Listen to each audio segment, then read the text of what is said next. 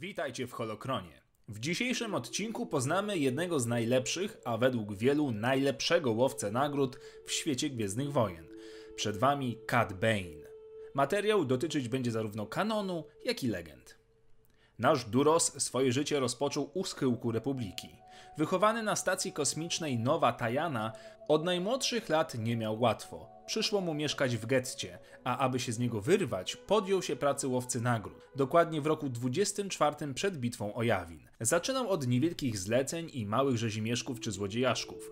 Po zarobieniu pierwszej kasy porzucił stację i obiecał sobie, że nigdy już na nią nie wróci. By jeszcze bardziej podbudować swoje imię, które zaczynało nabierać coraz większego znaczenia w przestępczym środowisku, zdecydował się zabić Jedi, który groził jego nowemu klientowi. Bane rozprawił się z nim dość szybko, ale głównie dlatego, że Jedi okazał się być marnym przebierańcem, korzystającym z gadżetów mających upodobnić go do członka zakonu. Nie zabił jednak przeciwnika, w zamian ten podzielił się z nim technologicznymi ciekawostkami, które bardzo przydały się w pracy Bane'a.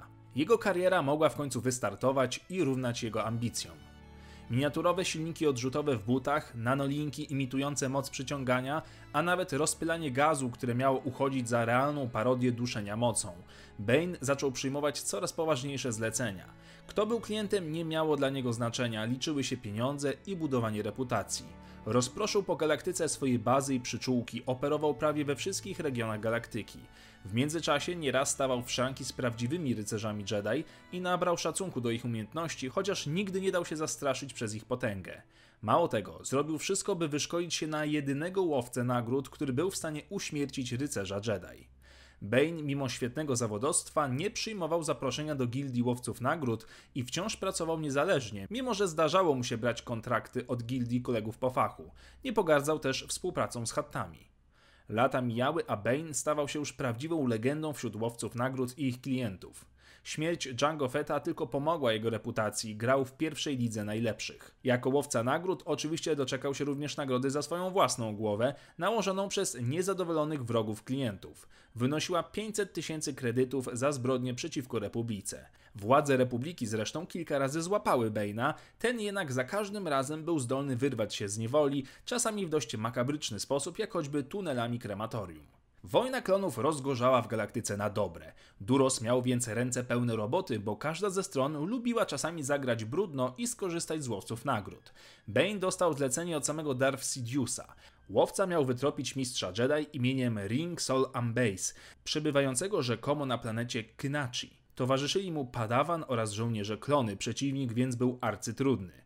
Łowca jednak po wielu zawirowaniach zdołał pochwycić mistrza i przetransportować go do klienta, a raczej jego przedstawicielki.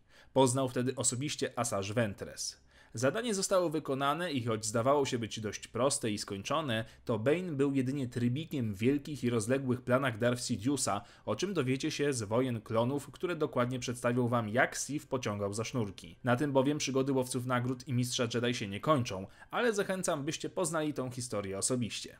Niedługo potem Bane bierze kolejne zlecenia. Uprowadza m.in. jeden z dwóch grawitacyjnych rdzeni, będących grawitacyjnym promieniem polaryzacyjnym, wysoce zaawansowaną bronią kosmiczną stworzoną przez naukowca imieniem Kulteska. Drugi rdzeń Bane po prostu wysadza w powietrze.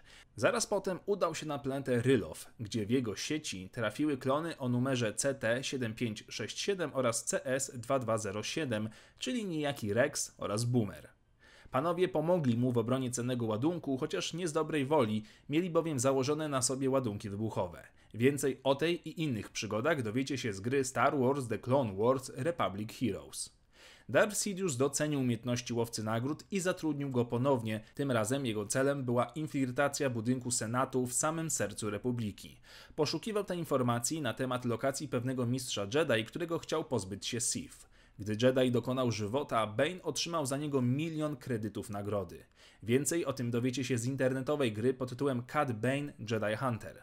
To była jednak dopiero pierwsza część misji. Drugą, prawdziwą, było wykradzenie holokronu z archiwów Jedi. Po wielu trudnościach Bane'owi udaje się ukraść holokron i bezpiecznie wydostać się ze świątyni, nie obyło się jednak bez ofiar w postaci jego towarzyszy. Bane jednak za nic ma sobie innych, liczyło się wypełnienie misji. Więcej o tej przygodzie dowiecie się, a raczej mogliście dowiedzieć się z niestety już nieaktywnego komiksu internetowego na oficjalnej stronie Star Wars.com. Znajdziecie jednak archiwalne linki tej strony, tylko trzeba pogrzebać. W jeszcze innym komiksie internetowym natomiast, The Clone Wars Act of Instinct, poznajemy historię Bane'a, gdy ten współpracuje z Orą Singh, z którą udaje się na planetę Devaron do świątyni Idit. Wszystko to zresztą miesza się z historią przedstawioną w animacji Wojny Klonów sezon drugi. Tutaj łowca poznaje dwójkę dość trudnych przeciwników Anakina Skywalkera oraz Asokę Tano. Celem Bane'a był niejaki Ropal, a za jego głowę przewidywano kolejny milion kredytów. Skywalker i jego padawanka dwoili się i troili, by powstrzymać Cade'a, ale ten zdołał nie tylko wypełnić misję, ale i wydostać się cało z ich zasadzki. Żeby jednak nie było, Bane srogo się napocił przy uciekaniu i wykiwaniu Jedi, jeden błąd mógł kosztować go życie. Kolejne misje polegały m.in. na uprowadzeniu wrażliwych na moc dzieci. Ta misja jednak zakończyła się dla łowcy nagród niepowodzeniem, nie wszystkie bowiem zlecenia zawsze udawało się wykonać, szczególnie kiedy przeciwnikiem był zakon Jedi. Później Kat pracował dla Hatta imieniem Jabba i wykonywał dla niego parę ciekawych misji. Mieszał się także w rozgrywki polityczne, chociaż nigdy nie zabierał żadnej ze stron. Ponieważ jego pracodawcami stawali się ludzie u szczytu władzy, jego zaangażowanie w losy wielu bohaterów, a niekiedy i losy wojny, stały się bardzo duże, czy tego chciał, czy nie. By w pełni poznać jego kompletną historię, trzeba sięgać do wielu różnych źródeł, takich jak wspomniane internetowe komiksy, animacja Wojny Klonów oraz książka młodzieżowa pod tytułem The Clone Wars Stand Aside Bounty Hunters oraz The Clone Wars Hunting the Hunters. Tożsamość Bane'a, jego charakter i rozgrywki między bohaterami zmieniają się na przestrzeni sezonów serialu. Nabiera nowych przyjaciół, jak i wrogów. Pod koniec swoich przygód Bane dowiaduje się, że na jego głowie ciąży kolejna nagroda. Jego dawny kolega, niejaki Sopan, skradł jego tożsamość i rozkręcił nielegalny biznes na Nowej Tajanie. Bane musi więc wrócić na ojczystą stację, mimo obietnicy, że nigdy tego nie zrobi. Za towarzysza podróży ma teraz innego łowcę nagród, Denjara. Bane następnie kieruje się prosto do szeryfa i żąda odebrania nagrody za samego siebie. Śmiech szeryfa szybko gaśnie, gdy do gry słownej Bane wtrąca swój blaster. Następnie odnajduje Sopana w jego apartamencie. Ze względu na stare czasy oszczędził mu jednak życie i nie przyjął kredytów za tak zwane złapanie samego siebie. Tą historię poznacie w bardzo krótkim komiksie Bane vs. Bane.